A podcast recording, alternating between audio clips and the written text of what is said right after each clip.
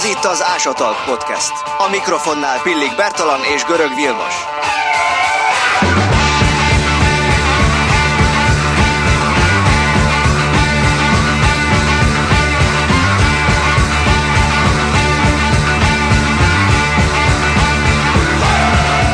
Köszönöm mindenkit az Ásatók legújabb részében. Ennek a résznek a vendége dr. Mester Zsolt, habilitált egyetemi docens, az LTBTK Régészettudományi Intézetének őskori és előázsiai tanszékének oktatója. Ez hosszú titulus. Nagyon hosszú. Üdvözöljük a műsorban, tanár úr. Egyszerűbb lenne annyit mondani, hogy a kőeszközös. Vagy az ősember. Szoktam mondani az elsőves hallgatóknak, hogy én vagyok itt az ősember. És miért? Hát azért, mert én foglalkozom az ősemberekkel. Így felvezettük.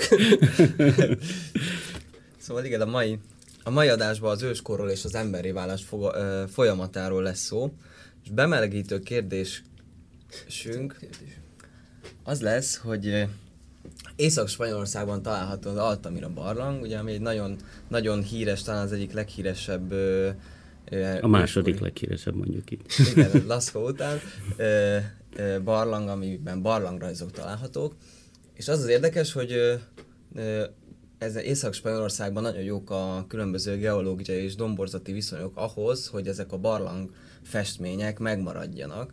És az lenne az én kérdésem, hogy összesen jelenleg Észak-Spanyolországban hány olyan barlang található, ahol található ilyen vagy amolyan Festett vagy, tehát festett- bármilyen művészeti alkotás. Igen. Fú, ez egy nagyon nehéz kérdés, de e, hát a számát nem tudnám megmondani, de százas nagyságrendűre satszolom. Tehát akár 100-200 közötti is lehet a számok, a, ahogy én e, Mhm.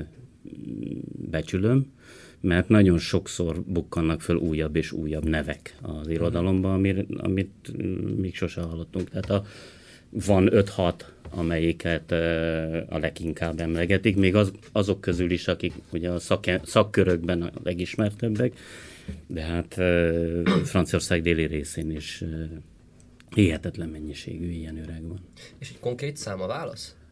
Vagy Hát, amit én találtam, nem, amit én találtam, az egy kon- konkrét szám. Biztos, hogy van konkrét szám, és, Ez a, lehet, hogy nem és helytálló, a, az, vagy- a, az elképzelhető, hogy ha ez egy eh, 60-as évekbeli publikációból származik, akkor az eltér attól, amit most mondjuk ma ismernek, de én mindenképpen két és 300 közé Aha.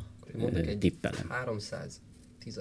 314-et. Akkor én mondok egy eh, 268-at. Jó, jó, jó. Meglátjuk.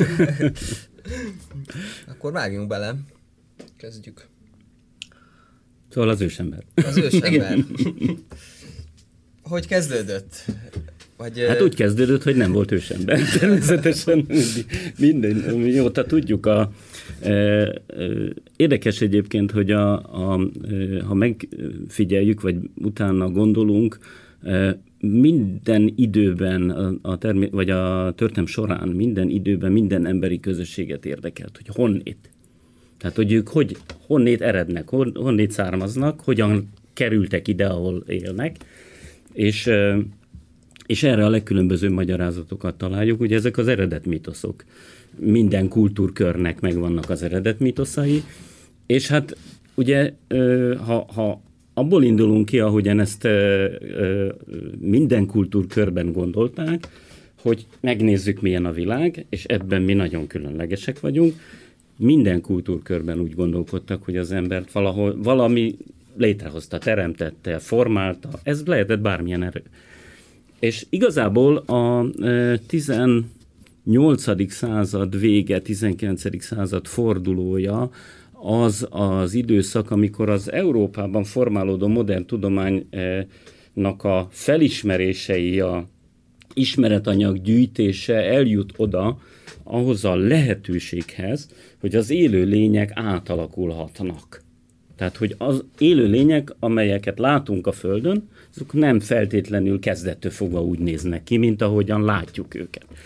És ez ugye az evolúció gondolata, amit Darwin előtt már természetesen megfogalmaztak, és uh, ugye a mai gondolkodásunkat a darwini modell szab, határozza meg, aminek a, a működési mechanizmusában van eltérése, de itt, amiről most beszélünk, az igazából csak az a tény, hogy létrejöhet az ember, mint lény, mint élőlény, más élőlények átalakulásával. És ha ez így van, akkor hol keressük a hasonló élőlényeket, a potenciális forrást?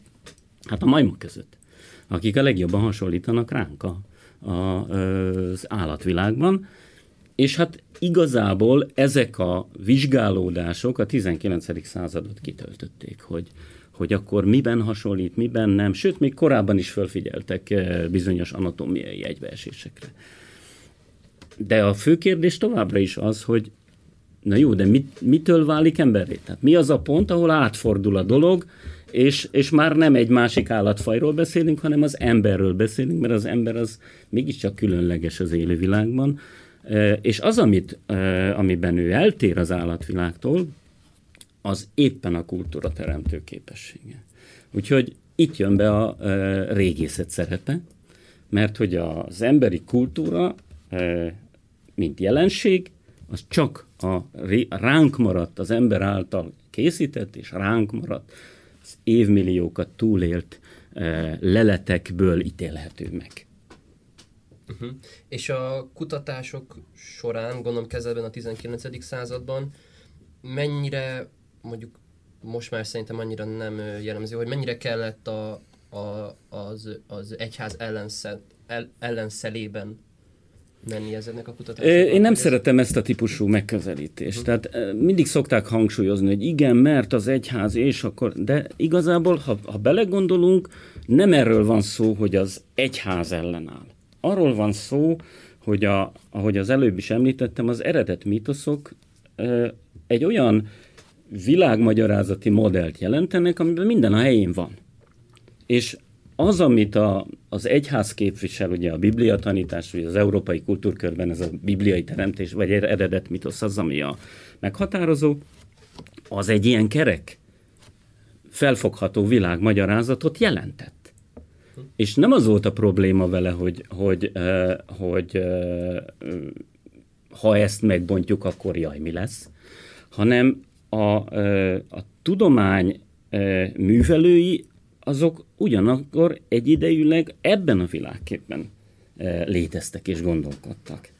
Tehát itt azt kell látnunk, hogy az emberi megismerés, tehát az emberi agy működése, a megismer, az emberi kíváncsiság képes arra, hogy a megszerzett tudás fényében újra gondolja a világról alkotott képét.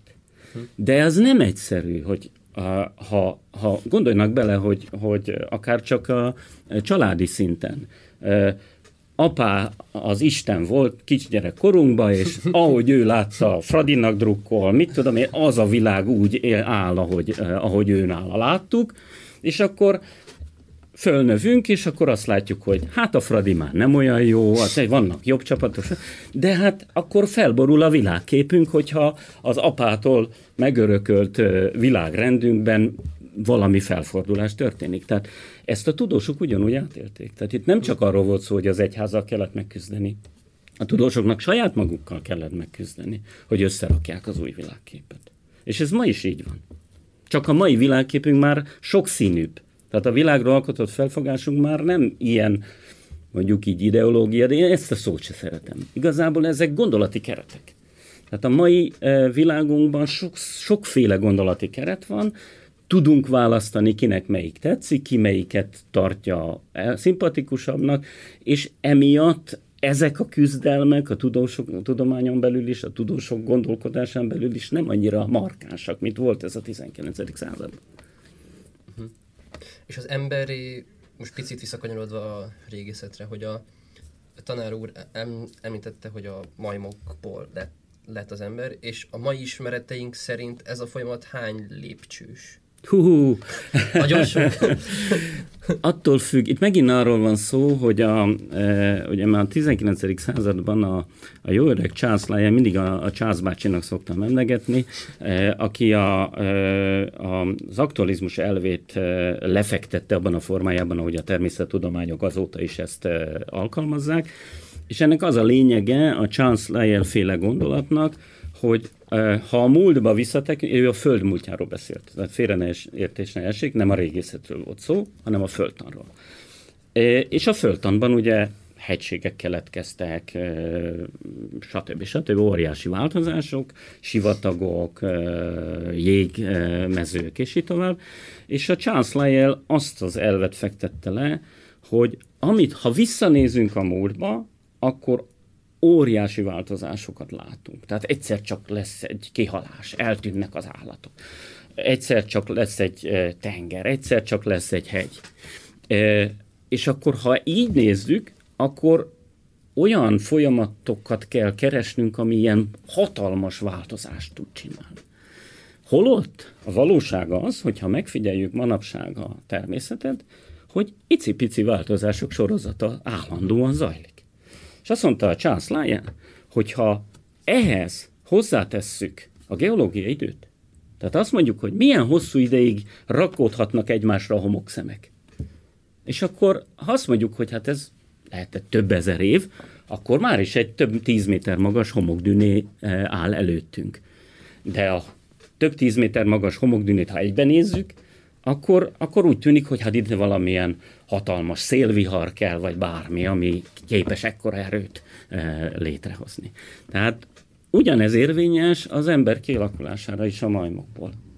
Uh-huh. Ez egy hosszú átalakulási folyamat, aminek a darwini modell értelmében nagyon sok ága boga, nagyon sok zsákutcája lehetett. Ezekből mi minimálisat látunk a maradványok tükrében. De hogyha folyamatban gondolkodunk, akkor, uh, akkor azt látjuk, hogy nagyon apró változások sok, sorozatából uh, jön létre a kétlábon járás, jön létre a gondolkodás, jön létre az eszközkészítés, és így tovább. Uh, viszont, hogyha azt kérdezi, hogy hány fázisa van, akkor tulajdonképpen én visszakérdezek, hogy milyen felbontásban akarja látni. Mert hogyha, hogyha azt mondom, hogy, hogy vegyük a, egy lépcsőnek azt a két lábon járás kialakulásánál, hogy, hogy mit tudom én, e, e, félig felegyenesedve, görnyetten, de már nem teszi le a melső vég, végtagját, akkor az most egy lépcső? Vagy ennek a különböző szögű e, átmenetei a, a, mondjuk a 30 foktól a 90 fokig, akkor az, az hogy nézzük? Az hány lépcsőnek vegyük? Tehát ezért igazából az ilyen típusú kérdések nehezen megválaszolhatók, pontosabban bárhogyan megválaszolhatók, mert én mondhatom, hogy három, Igen. mondhatom azt, hogy 30 ezer. És mindegyiknek megvan a megfelelő felbontás. Érdekes. Jó. Ö, engem nagyon foglalkoztat a, a hiányzó láncemnek a kérdése, hogy ugye tudjuk, hogy, hogy a hiányzó láncem lehetett a kapocs, vagy az a pont, amikor elvált az ember az állattól, és hogy a, arra vagyok kíváncsi, hogy ez, lesz-e egyszer egy olyan pillanat, amikor, amikor ezt megtalálják, és, és azt tudják mondani, hogy na igen, ez az, vagy pedig... Rengeteg pillanat van, amikor a hiányzó láncemet megtalálják. Ugyanis, ahogy az előbb említettem, eh, minimális eseti információnk van erről a hosszú folyamatról. Mi következik ebből? A hosszú folyamatnak csak egyes pontjait, állomásait látjuk, két pont között mindig hiányzik. Aha. És ennél fogva rengeteg hiányzó láncem van. Uh-huh. Mivel a média szereti ezt a kifejezést, igazából 1800, ha jól emlékszem, 73 körül született az a, a munka, amit a um, Ernst Haeckel uh, alkotott meg, egy német természettudós, ez már a Darwini modell megszületése és uh, részbeni elismerése, eh, mert ugye a tudósok egy része mellé állt, egy másik része el, eh, meg vitatta, de ez már abban az időben született, amikor Darwin 1871-ben írta meg az Ember eredete című munkáját, amiben a, az emberre vonatkozóan kifejti az evolúciós elképzelését, és ez a Hékel féle mű, ez egy pár évvel később született, és a Hékel a darwini modell tovább gondolta. És fölrajzolta az egysejtűt, a legegyszerűbb szervezetektől az emberig vezető evolúciós sort, hogy lesz egyre bonyolultabb az élőlény, és a legvégén ugye a legbonyolultabb élőlény az ember. És a Hékel munkájában, ugye a, abban az időben az orángutánt ismerték a legjobban a, a nagy testű szabású majmok közül, és az orángután és az ember között e, úgy látta, hogy, hogy túl nagy az ugrás. E, nem tudott közvetlenül át, nem tudta úgy elképzelni a agyi átalakulást, ami az orángutánból embert csinál. Ezért úgy gondolta, hogy kell, hogy legyen valami a kettő között, ami egy kicsit még ez, egy kicsit már az. És ő elképzelte ezt a ö, köztes lényt, amit akkor senki nem ismert. Tehát ilyen élőlényt nem ismertek. Maradványból se, fosszíliából se semmi. És ő úgy gondolta, hogy ez a lény, ez félig még majom, félig már ember. És ezért elnevezte majomembernek. Pitek antropusznak. Még tudományos nevet is alkotott neki. És ez a bizonyos lény volt az első hiányzó láncszem, azóta a média ezt a hiányzó láncszem kifejezést ismeri. És ez a bizonyos hiányzó láncszem, ezt megtalálták, mert a Pithecanthropus megtalálták 1891-ben, Jáva szigetén. Azóta nagyon sok maradványa előkerült. De, de minden egyes Pithecanthropus maradvány, most már nem így hívjuk, hanem Homo erectusnak hívjuk, és a követke, másik maradvány között mindig van megfelelő eltérés, úgyhogy mindig kell, ugye a darwini modell alapján, a folyamatos átalakulás alapján mindig feltételezhetjük, hogy lesznek közbőső alakok, amit még nem ismerünk. Tehát hiányzó láncem mindig marad. És a, csak így a... Vissza, bocsánat, de arra a kérdésre még nem válaszoltam, ja. amit, amit igazából föltette, hogy az majom és az ember között. Tehát, hogy a, az első ember az a maradvány. Na most erre vannak jelöltjeink ma is. Ugye itt meg kell emlékezni arról a problémáról, hogy a, ez az emberi vállás, vagy az emberiség kialakulásának a témaköre, ez több tudomány területet is érint. És minden tudomány terület probléma egyik aspektusával foglalkozik, a másik a többi aspektusával a többi terület. De ezek találkoznak, ezek összeérnek, összefogazódnak, és ugye itt azzal találjuk magunkat szembe, hogy ha majmokból az ember kialakulásának a folyamatát akarjuk látni, akkor ennek van egy biológiai változási útja, ahogyan a szervezet átalakul. A két lábon járás kialakul, az agy megnövekedik, és így tovább. Tehát ahogy az emberi külső biológiai felépítés létrejön az emberszabású majom biológiai felépítéséből. Ez az egyik folyamat, aminek megvannak a lenyomatai, azok a csontmaradványok, amelyek időről időre előkerülnek, nagyon töredékesek, az eltéréseik alapján sokszor új és új fajokat határoznak meg, aztán idővel rájönnek, hogy az új maradványok fényében azért ezeket össze lehet vonni, tehát ez, ez, ezzel állandóan variálnak, a, ez az antropológusoknak, a paleoantropológusoknak a, a vizsgálati területe. De az emberé válásnak a másik fontos aspektusa az a kultúra teremtő képességnek a kialakulása. Azt meg mi vizsgáljuk. Na de a mi maradványaink, meg az antropológusok maradványai, mint a csontok, meg a kőeszközök nem feltétlenül jönnek elő együtt. És mi két, ugyanazt a folyamatot két nézőpontból nézzük, és kétféle forgatókönyvet rajzolunk, mindenki a magáét. De ennek valahol ez egy történet. És ennek valahol össze kell találkoznia. Csak nagyon kevés olyan ö, ö, szerencsés esetünk van, ahol közvetlen kapcsolatot tudunk tenni. A legjobb példa erre az, ugye a, az első kőeszközök.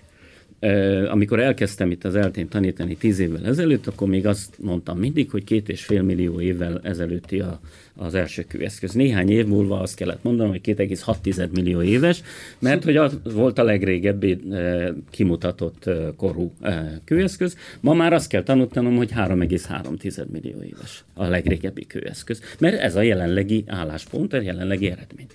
Most hogy kapcsolódik ez a, a, a ember tani változáshoz, a biológiai változáshoz?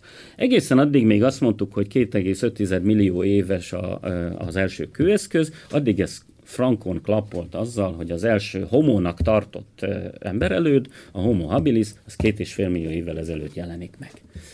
Hátradőlt mindenki, meg leporolta a kezét, azt mondta, ezt jó megcsináltuk. Ez minden, minden szép. És akkor jött a Etiópiából egy datálás, 2,6. De ez túl szép volt ahhoz, hogy igaz legyen, nem? Hogy ez nem, nem, össze... ez lehetne igaz, semmi uh-huh. probléma nincs vele. Csak az, hogy a 2,6 millió éves új dátum született, na de csonteszközünk, vagy csont maradványunk nincsen 2,6 millió éves. Na de erre azt mondja a, a kutató, hogy na jó, hát százezer év, ugye egy tized, egy tized millió év az nem olyan nagy dolog, Egyébként is lehet, hogy az a lény, amit 2,5 millió évesnek ismerünk, annak a köre, a faj már százezer éve korábban is megvolt. Nem okoz gondot. Igen ám, de jön a következő felfedezés, 3,3 millió év. Barátok között is nem ismerünk ilyen homót. Most, hogyha eddig úgy gondoltuk, hogy hát ez a homo nemzetségnek a nagyszerű új teljesítménye, milyen büszkék voltunk rá, hogy mi homók voltunk képesek először eszközt csinálni, és akkor kiderül, hogy 3,3 millió évvel ezelőtt csak ausztralopitekuszokat ismerünk. Na most akkor, akkor mi van? Eddig úgy gondoltuk, hogy az ausztralopitekuszok azok ilyen, ilyen, ilyen majomszerű valakik voltak, még fölmentek a fára, lejöttek a fáról, tehát ezek még nem tartottak ott. És most azt látjuk, hogy a legrégibb kőeszköz beleesik az ő életidejükbe. Na most mi, a, mi következik ebből? Kell találni valakit, aki e, esélyes erre a e, e, megtisztelő címre, hogy ő már képes volt ilyen kőeszközt csinálni. Gondolkodhatunk úgy, hogy azt mondjuk, hogy hát van egy olyan homo, aki akkor élt, ezt csinálta, de mi még nem találtuk meg a csontját. A hiányzó látszám, ugyebár. Visszakanyarodunk. De mondhatjuk, mert 1891-ig a Homo erectusnak se volt maradványa ismert. Tehát ilyen bármikor előfordulhat, hogy találunk olyat, amit korábban nem ismertünk. Na de van egy másik lehetőség is, hogy azt mondjuk, hogy hát az ausztralopithecusok nem voltak mind olyan bunkók, hanem, hanem köztük volt egy-két rafkós is. És akkor ők esetleg képesek lehettek vala, valamelyikük föltalálta. Na most az ausztralopithecusoknak egyre többféle fajtáját találják meg, egyre többféle változatát ismerjük. Ugye a, mi nem szoktuk tanítani az összeset, az antropológusok tanítják, mert hogy csontanilag vannak különbségek, de nem tudjuk biztosan, hogy ez számunkra is különbséget jelent, már mint kultúra szempontjából, kultúra teremtőképesség szempontjából. Viszont azt mondják az antropológusok, hogy a csont formák, a csontok alapján ezek között van olyan, amelyik, most nem tudnám megmondani, hogy mely, mi a tudományos neve, mert ezt a sok egyik itt számít, a másik ott jön be, tehát én kicsit zavarba vagyok akkor, amikor a, a részletek kerülnek elő, tehát most nem tudnám megmondani, melyik az a Australopithecus, amelyiket meg kell nézni könyvben. Tudom, hogy hol kell megnézni, ez így, így szokott lenni, hogy, hogy nem kell mindent fejből tudni, csak tudni kell, hol nézzünk utána. Tehát ha szükséges, akkor megtalálja az ember, de ez egy olyan Australopithecus, amelyiknek a, a morfológiája, a csontai morfológiája, az koponyaforma, stb. az alap úgy gondolják, hogy ez fejlettebb, mint a többi, mint a más fajok. Ha ez igaz, akkor lehet, hogy ő tényleg esélyes arra, hogy ő többet tudott, mint a többiek. Hm. Tehát két út van mindig előttünk, vagy az ismert maradványok körében próbálunk magyarázatot találni, vagy feltételezzük, hogy van olyan dolog, amit még nem ismerünk. A hiányzó lánc. És a tanár úr említette, hogy kettő forgatókönyv van, van a biológiai, meg a kulturális változás. A biológiai változást könnyebb nyomon követni, mint a kulturális, a kulturálisat a régészetben, vagy változó? Szerintem, ha megkérdezi az adott szakterületeknek a művelőit, akkor mindegyik ugyanolyan nehéznek érzi a sajátját. A bio, azt mondhatnánk, hogy a biológiai változást könnyebb. Ha ezt mondom, akkor ezt arra alapozom, hogy a biológiai változás mozgató erők, azok sokkal jobban ismertek, mint a kulturális változást mozgató erők. Tehát sokkal jobban tudjuk, hogy a sejtek hogy működnek, hogy a, a génmutációk hogy következnek be. Ilyen módon talán a biológiai változást jobban lehet követni, értelmezni, hogyha különbségeket látunk. De itt rögtön behozhatnék egy ellenpéldát is, hiszen a mai tudomány, tehát az ősember kutatásnak a, a ma legfölkapottabb területe a paleogenetika, az rendre hoz olyan kuta- vizsgálati eredményeket, amelyek zavarba ejtőek. Tehát a biológiai modellhez képest is e, fura. E, és, és akkor ilyen, ilyen módon már, már sokkal e, e, meggondolandóbb az, hogy kijelentsük, hogy nekik könnyebb a dolguk. Az viszont tény, hogy a kulturális változást az több rétű folyamat. Ebben szerepet játszanak a biológiai változások is, ugye, hogy más nem mondjak, hát ha körülnéznek az évfolyamon, akkor látják, az egyik ebben ügyes, a másik abban ügyes, tehát ezek a tényezők szerepet játszanak abban, hogy kiből lesz rádiós, kiből, kiből lesz lapátoló régész, és így tovább. De a, a, ezen túlmenően a kulturális változásokban szerepet játszanak a túlélési ö, helyzetek, élethelyzetek, tehát meg kell oldani, hogy mit tegyünk, hogy ö, hogy kerüljük el a veszélyt, stb. stb. Szerepet játszanak az egyének közti kapcsolatok, ennek a változásai. Elképzelhető, hogy azért kezdünk el egy kőeszközt, tehát amit mi látunk mondjuk a leletanyagban, hogy valamilyen kőeszköz típus úgy egyszer csak úgy, úgy nagyon szembetűnik, hogy fú, hát ez, ez mindig egyforma, és csak itt van. És most ez lehet, ennek az oka lehet az, hogy, hogy mert azok a, azok a skacok, akik ott egy olyan túlélési, vagy hogy mondjam, egy létfenntartási helyzetbe kerültek, amire kitaláltak egy jó megoldást, egy spécik eszközt, és azt mondták, hogy fú, ez nagyon bevált, és akkor ezt nyomatják. És akkor ebből rengeteget látunk. De mivel azt ők találták ki, akikkel nincsenek kapcsolatban, azok nem veszik át tőlük. Tehát akkor szembetűnő. Na de ez lehet ennek más oka is. Lehet az is, hogy a csoporton belül a, a Bélának a brancsa, meg a Lajosnak a brancsa összeveszett. És azt mondta a Bélának a brancsa, hogy mi megkülönböztetjük magunkat, mi nem olyan hegyet csinálunk, mint a, a Lajosék, mi a Bélának a galeriének a hegyet csináljuk, és ezért ez már egy viszont egy identitás kifejezés, és nem pedig egy funkció. Bár ez is egy funkció, csak ez nem feltétlenül egy, egy hétköznapi vagy létfenntartási funkció. Mind a kettő lehet. Mind a kettő reális. Mert hogy a természeti népek körében látjuk ezeket a folyamatokat.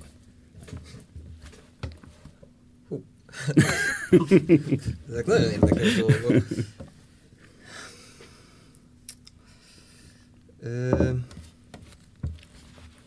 kőeszközökről, ha már beszéltünk. Szerintem igen, Térjünk kanyarodjunk. Érdemes a kőeszközökre egy kicsit mélyebben belemenni, azért is, mert a, annak ellenére, hogy ugye itt többször hangsúlyozom, hogy az ősemberet akarjuk megismerni, ez számos tudományterület, számos maradvány alapján, vagy e, hát maradványnak tekinthetjük a nyelvet is, mert ugye akik a nyelven, a beszéden e, e, eredetén keresztül e, vizsgálják az ősembernek a képességeit. E, e, mégis azért nem csak az, hazabeszélünk, mert régészek vagyunk, de a az effektív megmaradása a kulturáljuknak az azok a tárgyak, amiket létrehoztak, és amelyeket nem porlattak el az idővel. Ezek a, legrégibb időkig visszamenően a kőeszközök, amik kőből készültek. Nyilván azért, mert a kő jobban ellenáll az időnek, mint a csont vagy a fából levő dolgok. E, ami nem zárja ki azt, hogy, hogy amolyanok is voltak nekik, csak ezt ismerjük. Viszont a kőeszközök ilyen ö, okból kifolyólag előlépnek, és számunkra a legfontosabb információ forrásá válnak. És ö, picit térjünk ki, hogy milyen kőeszköz típusok vannak, mert a hallgatók többségének szerintem a szakóca ugrik be egyből. Ez így van. Ez így van, mindenkinek a szakóca ugrik be elsőre, hogy a kőeszköz az a szakóca. Igen. És hogy még a szakócán kiül miket? Rengetegféle kőeszköz van a szakócán kívül. Igazából a szakóca az egy állomása a kőeszköz készítés fejlődésének.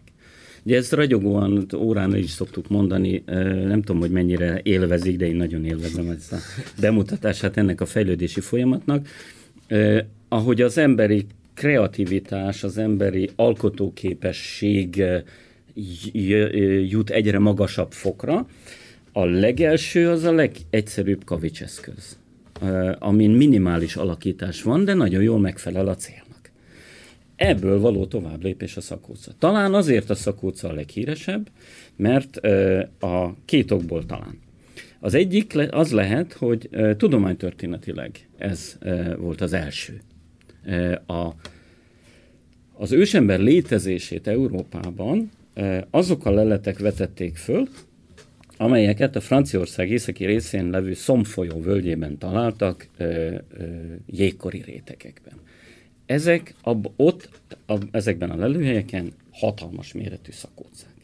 A szakóca ugye, aki ne, talán nem tudná, ez egy mind a két oldalán teljes felületén megmunkált, tehát bizonyos formára alakított kőeszköz, aminek annyi leütés nyom van a felületén, hogy nyilvánvaló, hogy ezt a természet nem alkothatta, és nagyon sok esetben annyira szabályosak a formák, hogy ez is feltűnően emberi produktummá teszi őket. Ez volt a vitának a forrása a 19. században, amikor ezeket megtalálták, hogy ilyet csak ember csinálhat. Viszont olyan rétegekbe került elő, ahol az akkori tudás szerint ember még nem élt. Na most lehet, hogy a, a szakócának ez az attraktív jellege, hogy nagy, látványos, tényleg olyan, olyan igazán emberi, lehet, hogy ez az egyik elem, ami miatt a mai napig egyfajta ilyen nimbus övezi a, a kőeszköz, az a szakóca. A másik dolog az lehet, hogy valóban ez az első olyan, ami, ami, aminél nyilvánvaló. Tehát a, a nagyon egyszerű kavicseszközöknél sokszor el kell gondolkodni azon, hogy ez tényleg ember csinálta-e. Mert annyira esetlegesek a formák. A szakócánál ez föl nem merül. Na de a szakóca az a homo erectusnak volt, tehát ez nagyjából 1,8 millió év és 300 ezer évvel ezelőtt élt a homo erectus. Az ő, hogy mondjam, csúcs teljesítménye volt a szakóca. Azóta rengeteg továbbfejlődés volt, és az, a, az ősemberek, az, az erectus utódai, a neandervölgyi ember, a modern ember, tehát a anatomiailag modern ember, vagy a sapiens, azok továbbfejlesztették, és sokkal érdekesebb, sokkal látványosabb kőeszközöket csináltak. Ezek közül, ami szintén ismert, és szintén látványos, az a paleoindián Dárda hegy, ami nagyon szépen ilyen ilyen levél alakra kialakított, karcsú, vékony, megint csak szembetűnően szép formájú, hát ezeket is ismerik általában, de a szakóca az igazi ősemberhez köthető. Holott a neandervölgyi ember is csinált szakócát, de annál sokkal több és sokkal érdekesebb kőeszközt hozott létre. Amik sokkal könnyebbé tették a túlélését. És a, arról gondolom vannak feltételezések, hogy vagy olyan kutatások, hogy ezeket a kőeszközöket hogyan pattinthatták.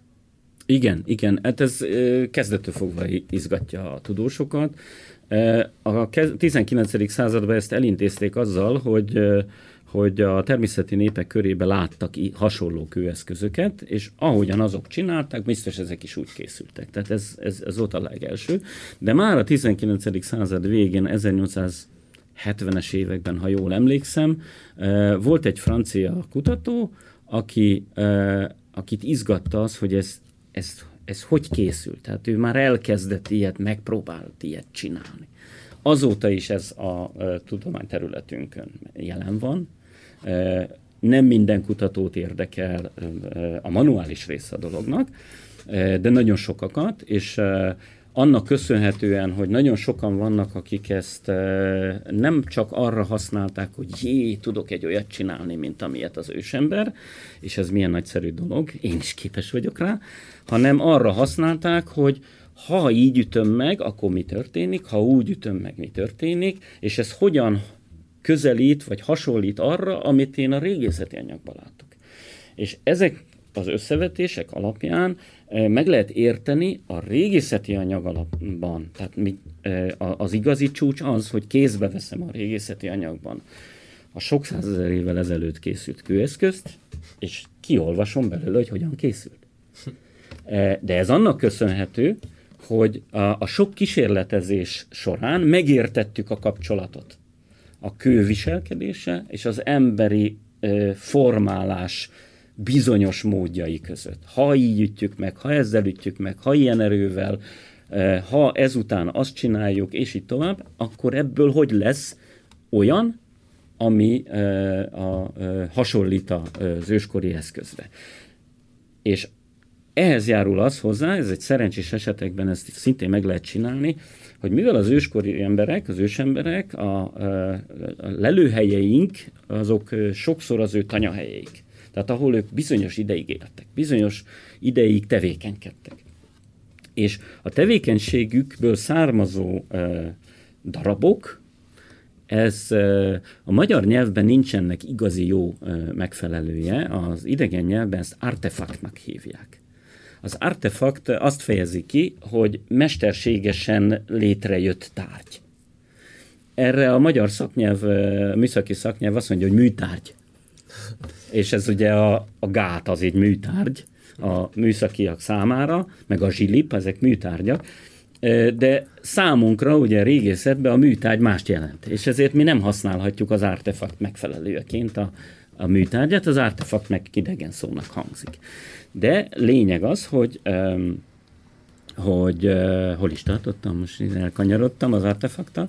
Tehát, hogy ezek a, az ember által készített, uh, vagyis az emberi uh, kőeszköz készítés tevékenység keretében létrejött különböző artefaktok nem mind fontos az ősembernek. Uh, egy jelentős része az melléktermék. Ezt ezeket ő ott hagyja. És hogyha az ásatáskor ezeket mi föltárjuk, rögzítjük, hogy melyik hol került elő, hogyan feküdt, hát ez a régészetnek a szakmai része, és utána elkezdjük összepróbálni, és megtaláljuk az illeszkedő felületeket. Ezt újraillesztésnek hívjuk magyarul, refitting az angol megfelelője, ezt sokan ezt jobban szeretik használni, de itt valójában rekonstruáljuk azt az állapotot, ami a leütés előtt volt. És hogyha ezt egymásra rakjuk, akkor előttünk áll a szétvert kő. És hogyha ilyenünk van, na ez az igazi.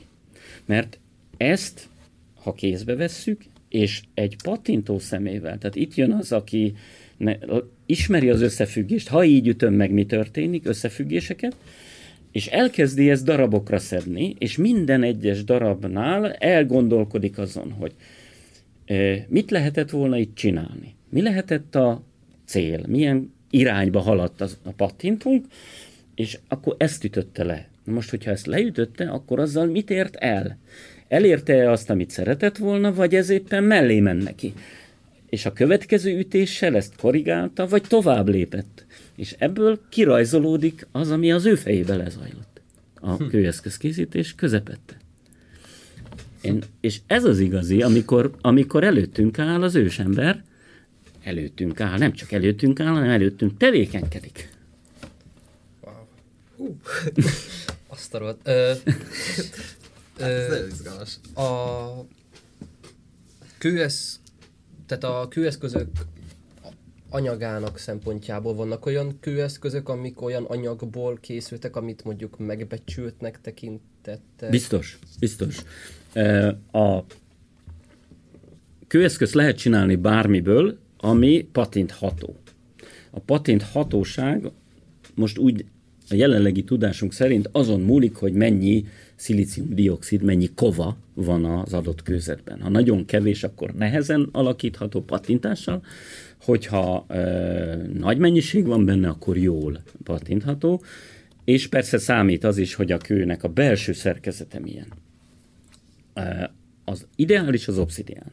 Ez közismert, ugye az obszidián a vulkáni üveg, és azért ideális kőeszköz készítésre, patintásra, mert nincsen belső szerkezete. Mert üveg. És mivel nincsenek benne kristályok, semmi sem zavarja a, az emberi alakító szándéknak a létrejöttét. Az emberi tévesztés, igen, de az, az anyaga nem. Tehát ez az egyik aspektus a, a kőeszközök anyagát illetően, hogy minél finomabb, annál jobban lehet kőeszköz készíteni belőle. Ugye ez úgy függ össze, hogy korlátokat szab az anyagnak a sajátossága, az anyagi sajátossága, a kovának, a kőzetnek az anyagi sajátossága korlátot szab, hogy milyen minőségű, milyen finomságú munkát lehet belőle csinálni. De ez nem jelenti azt, hogy az ősemberek ne tudták volna uralni ezeket a nehézségeket. Nagyon sok esetben látunk, hogy olyan példákat régészeti anyagba, hogy, hogy azt szétárjuk a kezünket, és azt mondjuk, hogy hát ez egy optimista volt, amikor neki állt ezt megcsinálni, és mégis sikerült neki. Mert úgy néz ki, hogy ebből ez lehetetlen. És mégis sikerült. Tehát ez nem, én nem szeretem azt, nagyon sokan szakmában is nagyon sokan, ez egy ilyen maradványa a, annak az időnek, amikor még keveset tudtunk arról, hogy a kő anyaga meg az alakíthatóság hogy függ össze és az emberi alakító képesség hogy függ össze, és akkor nagyon sokszor gondolták azt, hogy hát ez azért néz ki ilyen randán, mert kvarcitból van, aminek nagy kristályai vannak belül, és nem lehet olyan szépen pattintani. Tehát de ma már tudjuk, hogy, hogy sok olyan megoldás van, amivel lehet ezeket a nehézségeket kezelni. Ennek ellenére létezik az, hogy ha valami nagyon jó anyag, ha valami nagyon finom anyag, akkor abból bármit meg lehet csinálni. Ez a bármit meg lehet belőle csinálni, ez egy érték. És ez biztos, hogy számított. Nehéz fölmérni, amikor egy régészeti anyag áll előttünk, nehéz fölmérni azt, hogy valami eh, anyag, nyersanyag, a minősége, a színe, a formája, a, milyen tulajdonsága alapján volt kedvelt, vagy nem kedvelt. De erre kell törekednünk, mert ez egy emberi tulajdonság. Ugye, hogy más nem mondjak, ugye csak, mindig csak a saját világunkban kell körülnéznünk, mert az emberi viselkedés az a, ma is tartalmazza ugyanazokat a vonásokat, amit az ősember viselkedése. Csak meg kell találni a, a, a kifejeződéseket. Ugye gondoljunk bele abba, nekem is van lánygyermekem, és emlékszem, hogy volt egy életkor, talán három éves korától olyan 6-7 éves koráig, amikor bizonyos színeket preferált. Ez a rózsaszín korszak általában, e, és akkor egyszerűen nem hajlandó más szint fölvenni. Ilyen ruhát kell neki venni, olyan ceru, színű ceruzát kell venni, és így tovább. Tehát ez benne van az emberben, hogy e, nevezhetjük esztétikai e, aspektusnak, és sok minden nevet adhatunk neki, de biztos, hogy bizonyos tulajdonságokat másképp tekintünk a környezetünkből. Ugye mondhatjuk az állati példát is, mert van az a madár, amelyik a, e, nem tudom a nevét, e, e, de az állati viselkedés is egyébként egy nagyon tanulságos terület, hogyha az ősembert akarjuk megismerni. Van az a madár, amely kék színű dolgokat szed össze, és abból épít egy olyan nász, fogadó konstrukciót, amivel lenyűgözi a tojót. És ott a kék szín dominál. És minden az lehet, toll, kavics, mit a levé, bármi lehet, azt ő, ő a kék színt szedi össze. Tehát ez a ö, dolog, ez létezett az ősember korában is, a forma, az érdekesség, a szín, de a régészeti anyagból nehéz ezt kimutatni, bizonyítani, tudományosan bizonyítani, hogy igen, itt ez a szempont érvényesült. Nagyon jó példa, a, van németországi lelőhelyről egy szakócánk, szakóca, sokszor fotón, annyira különleges darab, hogy sokszor szerepel fotón is. A szakóca az ilyen, mondjuk ilyen csepp alakú, vagy szív alakú ö, ö, kőeszköz, és a kellős közepén van egy kagyló fosszília. A kellős közepén, az egyik oldalán. Hm. Ugyanis a tűzkő, amelyikből csinálták, abban volt egy zárvány, egy kagyló zárvány, ami, ami fosszíliaként a kovában magába zárt a kovakőzet. Amikor elkezdte csinálni a ősemberünk, biztos, hogy nem tudta, hogy van benne egy ilyen. Na de a, ismerve a szakóca készítés folyamatát, tudjuk, hogy ahogy alakítjuk. Tehát ő elkezdi a formát kialakítani. Egyszer csak az egyik leütés után fölbukkan neki ott a kagyló fosszília.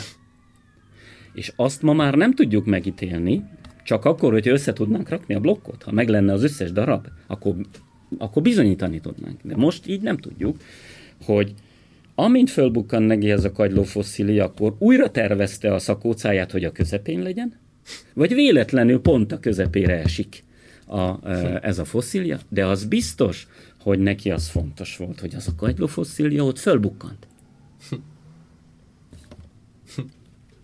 és, és meddig használtak kőeszközöket? Körülbelül. Ma is használnak. De hogy régészeti értelemben. Igen, mert a mai használatot azt inkább néprajzinak tekinthetjük, vagy antropológiainak. Vagy mikor indul el a kőeszközöknek a hát térvesztése? nem? Talán így jobb ja, igen, igen, igen, igen. Ö, tulajdonképpen mind a kettőt is mondhatjuk. Mert a, a, a, a kőeszköznek mindent nevezhetünk, aminek kő az anyaga és szerszám. Tehát ide tartoznak a szerszámkövek is. És ma már, tehát ugye sokan úgy tanulják, hogy a patintott kőkor és a csiszolt kőkor. Tehát neolitikumtól van csiszolt kőeszköz, akkor innentől vannak ezek a szerszámkövek. Ez nem igaz, mert ma már a paleolitikus lelőhelyekről is ismerünk szerszámköveket. A leg, ebből a szempontból számomra a legattraktívabb dolog az volt, amikor egy cikk írása közben rábukkantam egy olyan kutatásra, hogy 24 ezer évvel ezelőtti lelőhelyek, három ország, három különböző lelőhelyén megtalálták ugyanazt a szerszámkő típust, mozsártörőnek nevezték el. Tehát ez az, amivel ugye darálni lehet, összeőrölni valami száraz dolgot apróra, vagy ütögetve ugye szétzúzni. És ez 24 ezer évvel ezelőtti lelőhely, és mind a három helyen megvolt ez a szerszámtípus, mind a három helyen megvizsgálták, és mind a három helyen kimutatták, hogy a, a, kő, a szerszámkő felületének a, a, a lyukaiban, tehát ahol az egyenetlenség van, a felületi egyenetlenség, megmaradtak szerves anyagok. Ezt ki tudták mutatni, és ö, ö, keményítőt szemcséket találtak és a keményítő szemcsék alapján rekonstruálható, hogy milyen növénynek a lisztjét csinálták ezekkel a szerszámkövekkel. Ez ilyen gyékenyféle növényeknek a gyöktörzse, viszont ami érdekes, hogy megvizsgálták utána, kísérletileg ellenőrizték, hogy ez tényleg elvégezhető egy ilyen szerszámkővel, tényleg lisztet csináltak belőle, kiszárították, lisztet csináltak belőle, és utána megvizsgálták a tápértékét ennek a gyékeny, gyök törzs lisztnek, és majdnem hajszára megegyezik a, a tritikumnak, tehát a tönkölybúzának a tápértékével. És ugye ezek után mondja azt az ember, hogy a neolitikumtól beszélhetünk csak. Nem, már a paleolitikumban feltalálták ezt az élelmiszertípust, csak nem tudtuk a nyomát. Mert ennek nem marad úgy nyoma, mint a neolit lelőhelyeken, a szenült gabona és így tovább. Tehát összefolyik az én szememben, azóta, hogy ezeket a felfedezéseket látom, összefolyik a, az őskor a kőeszközök tekintetében, elkezdődik a folyamata az egyszerű kavicseszközökkel, és befejeződik ott, ahol a vaskor, bronzkor, inkább ugye a, a középső bronzkor vége e, környékén vesztik el a jelentőségüket a e, kőeszközök. Innentől kezdve kevés van, és nagyon kis gonddal készítik azt, amit még használnak.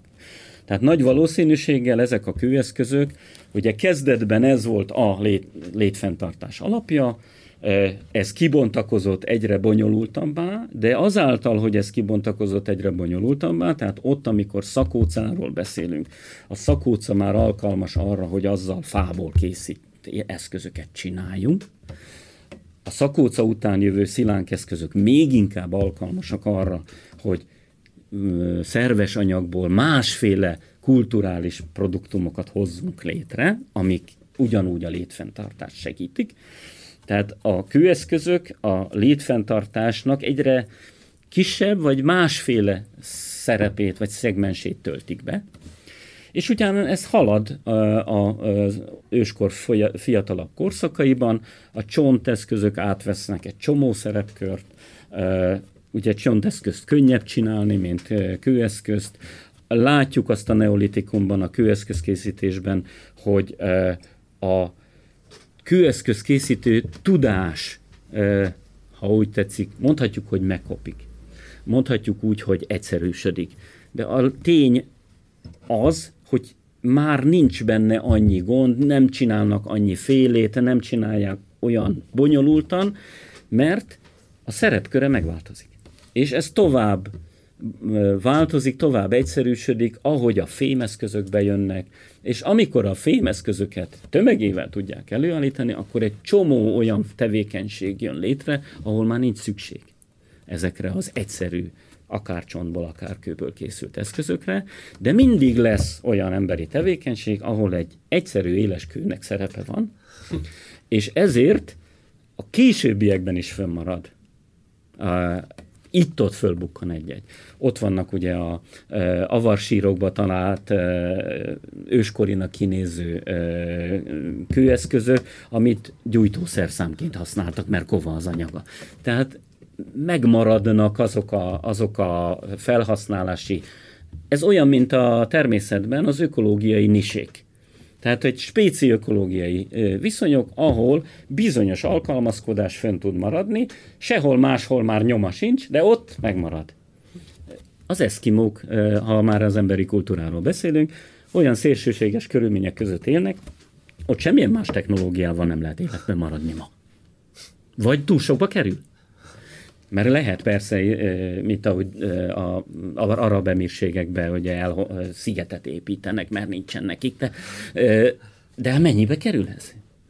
É, tehát ez így módon az emberi kultúra produktumaiban is, ha így fogjuk fel, vannak ezek a technológiai nisék, mondjuk így, eh, ahol szerepük marad a kőeszközöknek, azért, mert ez a leg, ö, ö, least cost megoldás. Ugye a legkevesebbe kerülő, és ezért minek fektessünk bele többet, ha ennyi is elég? Ez egy ősi emberi tulajdonság. Nekem most két kérdésem lenne.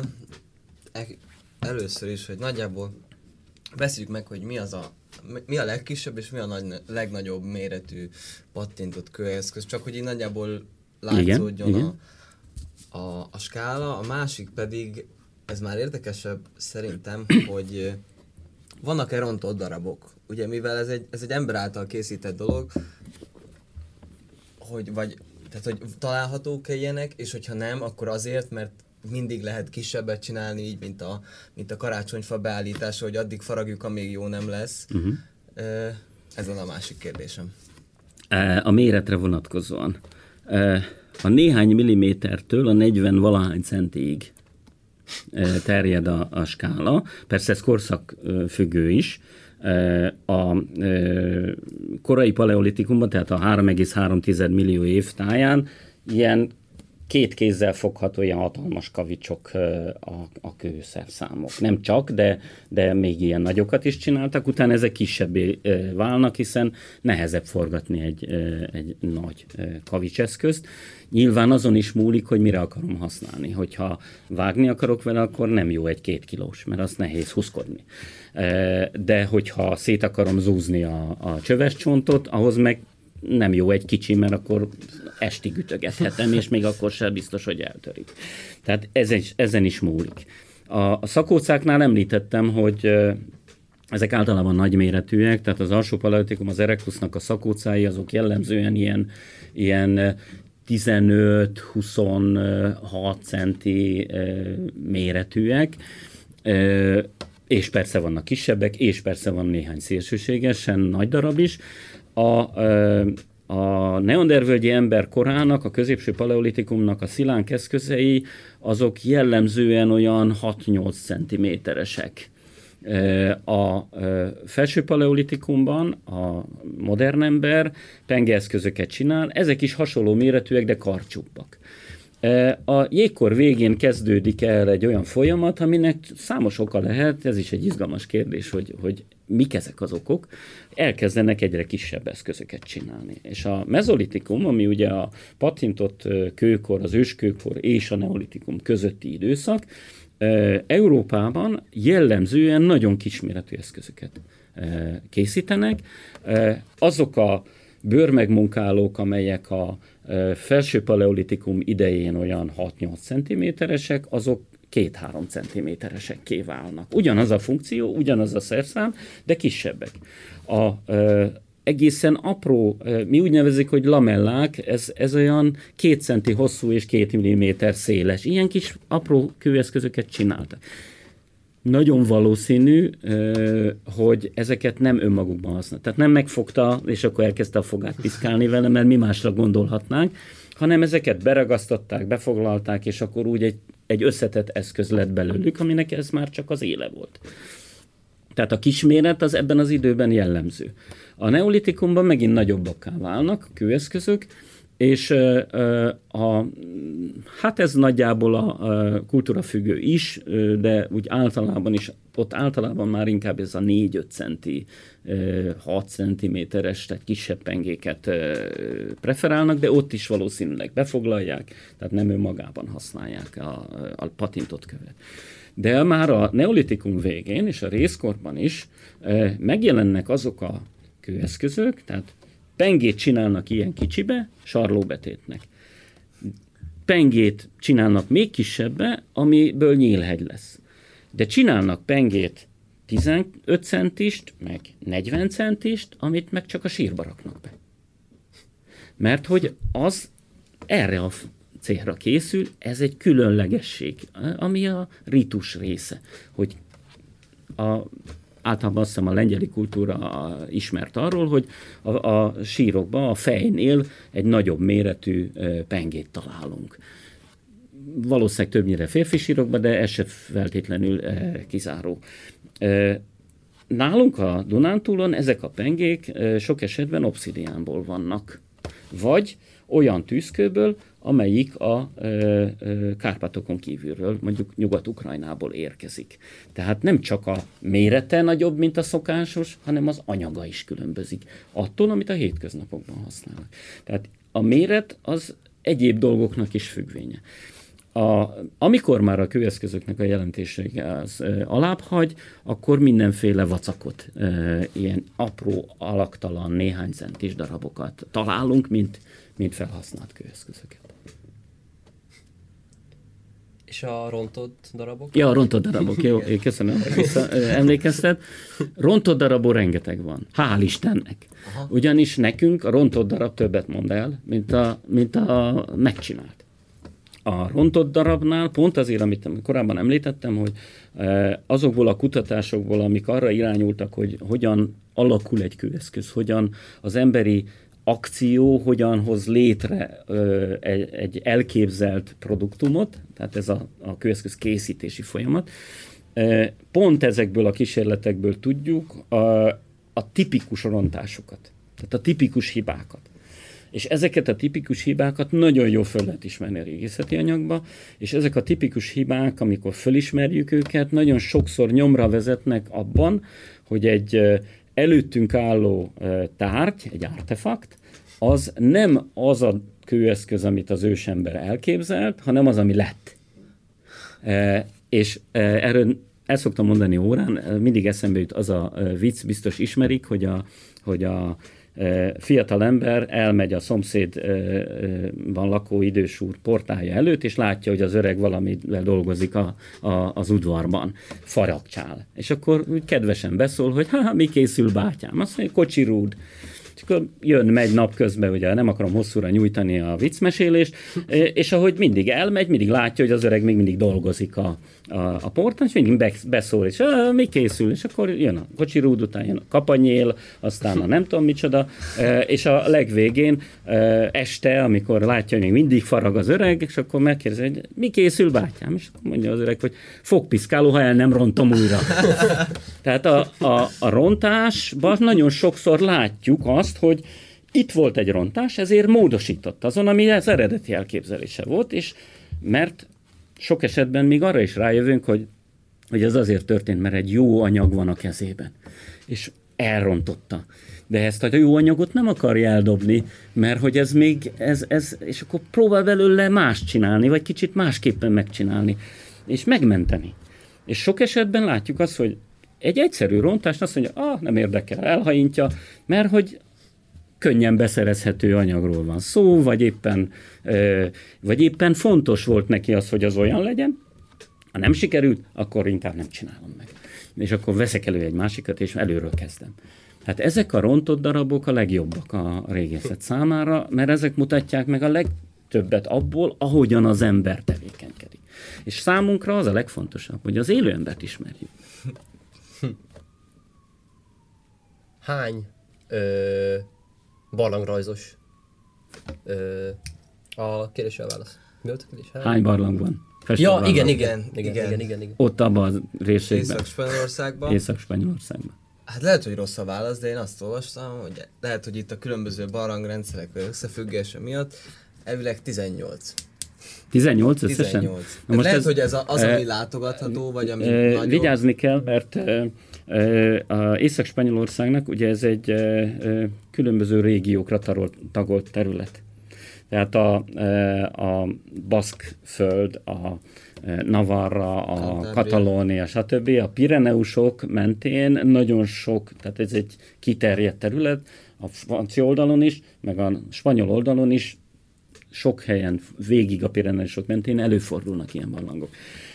Vannak területek, amiket sokkal jobban kutatnak. És lehet, hogy egy ilyen terület, mint például Santander környéke, ahol ugye az Altamira is van, lehet, hogy egy ilyen szükebb régióra vonatkozott ez az adat. Ha el, fölidézem a, a térképet, amit egy-egy publikációban lehet látni, a 18 nekem kevésnek Aha. tűnik. Tehát valószínűbb az, hogy ez egy, egy szükebb vizsgált területre vonatkozó adat, ahol 18 van, vagy 18 fontos van. A másik dolog az, amit a, a barlang festményekkel, barlangrajzokkal, én a francia kifejezést szeretem. A franciák ezt ár parietálnak hívják. A parietál azt jelenti, hogy a falon van. A sziklafalon. Ez lehet barlangban, vagy lehet kint egy sziklafalon. Tehát ők ezt, ezt a kifejezést használják rá, és ez szerintem találóbb, mint a barlangrajz, barlangfestmény. Ha festve van, akkor barlangrajznak nevezhetem, ha, fe, ha, nem, ha nincs festve, akkor festménynek nevezhetem. Szerintem ebben mind sokkal jobban belebonyolódunk. A barlangi művészetnek nevezzük, az már egy kicsit tágabb, tehát az ebből a szempontból jobb. Na most éppen ezért fontos azt tudni, hogy vannak olyan barlangok, mint Altamira, mint Laszkó, ami tele van. Tehát rengeteg ábrázolás van, egyetlen termében is rengeteg ábrázolás van, e, és sok különböző ágaboga van, és mindenütt találunk ábrázolásokat. Ez az egyik típus. A másik típus, hogy van egy üreg, ami akár egy hosszabb barlang, erre is van számos példa, de nincsen festve. Csak a bejárat közelében van három ábrázolás. De ez is ilyen lelőhelynek minősül. Olyan is van, ahol a, a bejárat mellett, tehát közvetlenül mielőtt belépünk, ott van domborműves ábrázolás, és belül nem ismerünk. De olyan is van, a Fondegóm, az számomra ez az egyik ilyen elképesztő példa. A Fondegóm barlang, ez Lezeizi-ben található, egy nagyon hosszú, bonyolult föld alatti üregrendszer, több száz méter, 800 méter hosszú. Azt hiszem, de az adatra nem veszek mérget. De az biztos, hogy a bejáratán, ha elindulunk, és nem igen van sok különböző bejárata, azt hiszem 300 métert kell menni a föld alatt, vagy lehet, hogy még többet, mi az első festménnyel találkozunk. Tehát olyan is van, ahol csak mélyen a barlangban vannak ábrázolások. Tehát ez egy, ez egy nagyon összetett kérdés, és én, én ezért nem is szeretem, amikor megpróbálják egy dologgal magyarázni. Tehát amikor, amikor valaki megpróbálja a, ezt a jelenséget, ami a bar, barlangi, tehát a paleolit művészet, megpróbálja egyfajta emberi logikával, akár a vallással, akár rituális tevékenységgel, akár bármi más koncepcióval lefedni. Ez ilyen Jolly Joker a régészetben ez a, ez a rituális szó. De ez azért van, mert tudjuk, hogy fontos szerepet játszott az őskori emberek életében, és egyre jobban látjuk, tehát az ős régészetnek a, a, az utóbbi időben egy csomó olyan kognitív oldalról egy csomó olyan új megközelítés, egy olyan új fölvetés született, ami még összetettebben, még jobban rávilágít ennek a lehetőségére, szerepére, és ez csak még jobban zavarba egy bennünket, mert tudjuk, hogy kell vele számolnunk, és találkozunk vele, de nem tudjuk bizonyítani.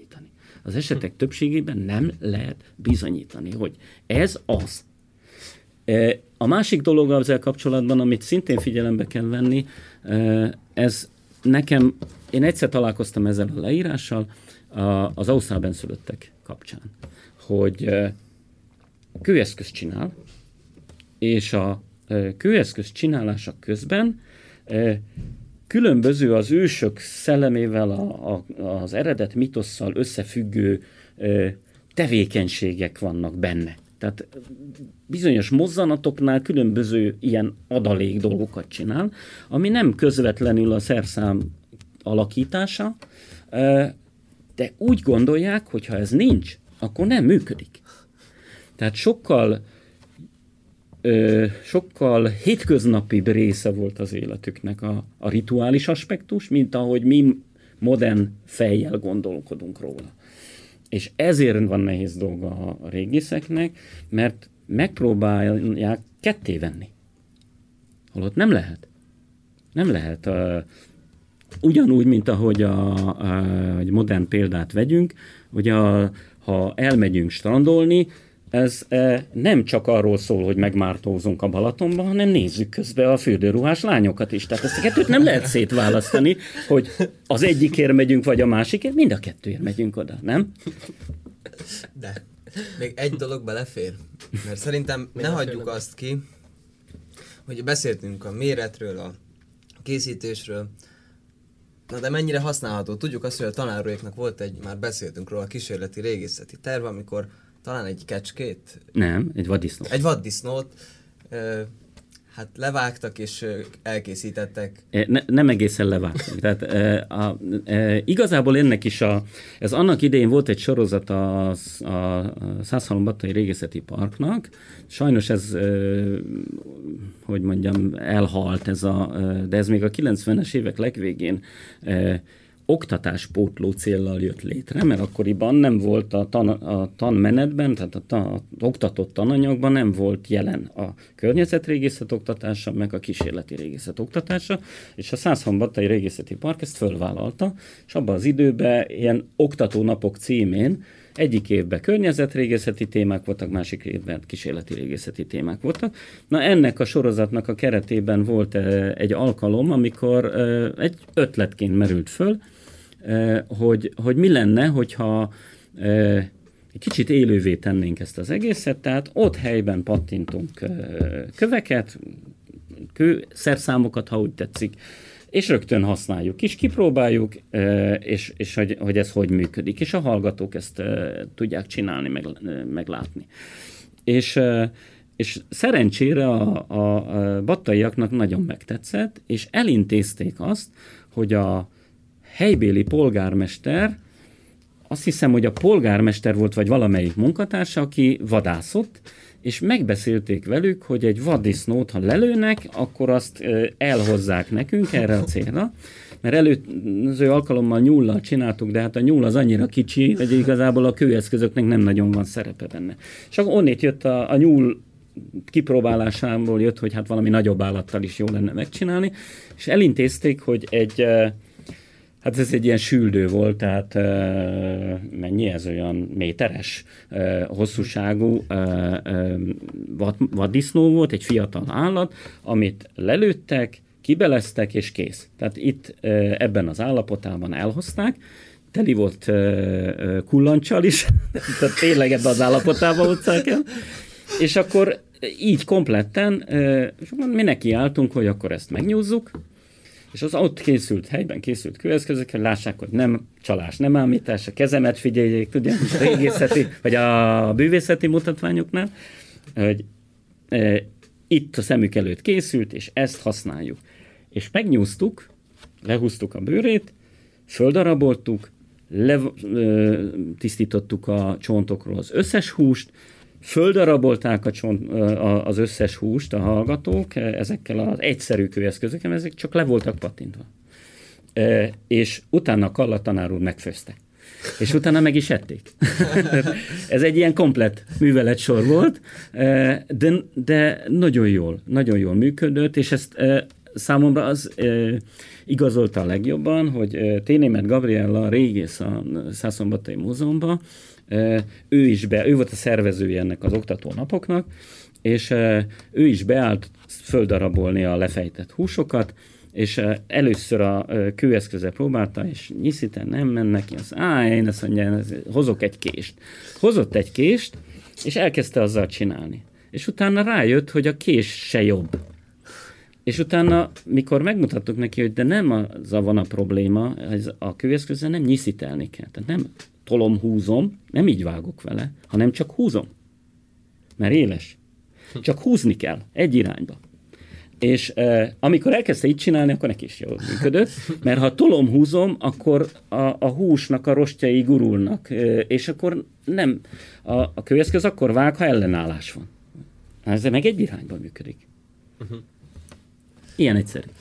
És ebben az, alkal- ebben, az, ebben az esetben az Antoni Borrell, akit ugye ismernek a kőeszköz használati nyomvizsgálattal foglalkozik, ugye nálunk is szokott órákat tartani, és ő neki volt néhány nagyon apró kőeszköze, mert volt egy ilyen kutatása, aminél a nagyon apró kőeszközök használatát vizsgálta, és adott nekem egy párat, hogy nem tudott ott lenni, hogy próbáljam már ki ezeket is. Úgyhogy amikor a közepén jártunk a nyúzásnak, és ugye az ilyen 6-8 centis kőpengékkel csináltuk, vagy szilánkokkal, és akkor gondoltam egyet, mondom, előveszek egy ilyen kicsit, ami két-három centis volt, csak ilyen picurka.